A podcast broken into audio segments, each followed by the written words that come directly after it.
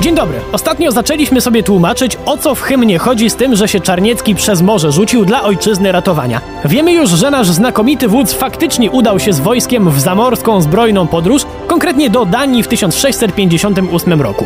Po co? Żeby pomóc naszym sojusznikom, których zaatakowali Szwedzi. Tylko co z tego miała Polska? Jak się potoczyła ta wyprawa i czego się nasi tam na miejscu nie do końca spodziewali? Przy mikrofonie Wojtek Drewniak, pora na program w Drewniakach przez świat.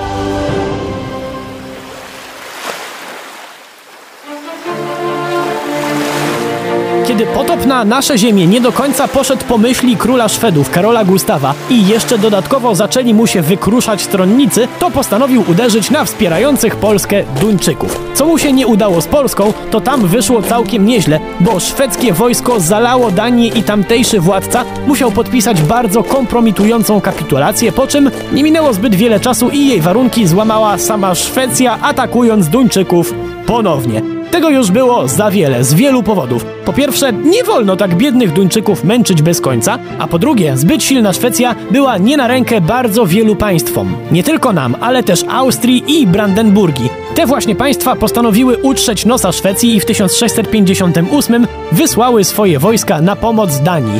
Nasz król, Jan Kazimierz, chciał w ten sposób osłabić Szwedów i zabezpieczyć kraj przed kolejnymi atakami. I tutaj dochodzimy do sedna sprawy. Dla ojczyzny ratowania Czarniecki na czele prawie 4,5 tysiąca wojskowych ruszył prać wroga do Danii. Ale nie był sam. Jeszcze liczniejsze ekipy i równie tęgich celebrytów w rolach dowódców wystawili nasi sojusznicy. Wojskom austriackim rozkazywał Raimondo Montecuccoli, a na czele brandenburskich sił ruszył sam elektor Fryderyk Wilhelm. Jak poszło wojskom sprzymierzonym? Znakomicie, to była taka miazga, do jakiej co prawda Karol Gustaw był przyzwyczajony, ale z tą różnicą, że taki łomot sprawiał, a nie otrzymywał. Raz po raz docierały do niego złe wieści. Najpierw nasi zajęli Holsztyn i oddali go władcy Danii, potem przeszli do Jutlandii i zdobywali kolejne twierdze, następnie dali czadu w walkach o wyspę Als, do czego jeszcze wrócimy. Nasi walczyli nawet pomimo sezonu świątecznego i tak na przykład 25 grudnia zdobyli bardzo ważną warownię Kolding, za co Czarniecki dostał całkiem spoko prezent od duńskiego króla. Imponujący złoty łańcuch. Taki, można powiedzieć, spóźniony podarek na gwiazdkę. Ciekawe, czy na Wielkanoc też coś dostał, albo na święto pracy. Okej, okay, na to ostatnie raczej z oczywistych względów nie ma co liczyć, ale jeśli chodzi o sam czas, to w sumie by mógł, bo Czarniecki siał postrach na czele polskiego wojska aż do września. Udało się nie tylko raz po raz odbijać twierdzę dla Duńczyków, ale również plan Jana Kazimierza działał. Te walki w Danii sprawiły, że Szwedzi walczący na polskich ziemiach nie mogli w razie czego liczyć na pomoc kolegów z Zabałtyku, których skutecznie walką wiązały sprzymierzone siły z naszymi w składzie. W końcu Stefan Czarniecki uznał, że Dania jest już na tyle ogarnięta, że bardziej się przyda gdzie indziej i z częścią zbrojnej ekipy wrócił do kraju. Karol Gustaw nie mógł jednak odetchnąć z ulgą, bo pod dowództwem pułkownika Piaseczyńskiego w Danii zostało jakieś półtora tysiąca naszych, no i nie zapominajmy też o potężnych siłach z Brandenburgii, Austrii i również wspierającej lanie Szwedów Holandii, której nie podobała się perspektywa, że ktoś mógłby podważyć jej pozycję na morzu. I właśnie na morzu to udowodnili podczas walk o Nyborg. Na tej wyspie w desperacji bronili się Szwedzi, najpierw w polu, ale nie trwało to zbyt długo, bo polska kawaleria skutecznie wypędziła wroga do twierdzy Nyborg, gdzie pałeczkę przejęła flota. Bo nie dość, że wcześniej już Holendrzy blokowali miasto, to teraz jeszcze okręty zaczęły pruć do twierdzy tak niesamowicie, że Szwedzi szybko zdali sobie sprawę z tego, że nie mają żadnych szans.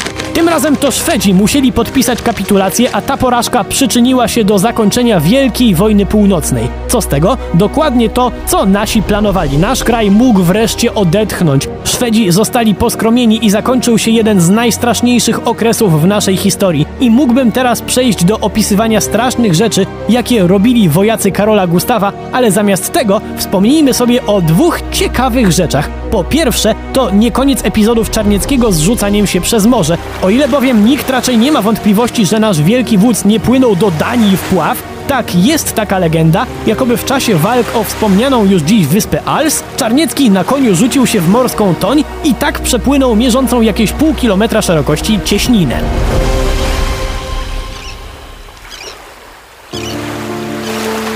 Opowieść Jana Chryzostoma Paska trzeba włożyć między bajki, bo to był 14 grudnia w Danii. Nikt normalny nie skachałby do morza w takich warunkach. Obalenie tej teorii znajdziemy we wspomnieniach austriackiego dowódcy, który zanotował, że ludzie przeprawili się tego dnia na niewielkich łódkach, za to konie faktycznie musiały płynąć same i marznąć zapewne dość tęgo.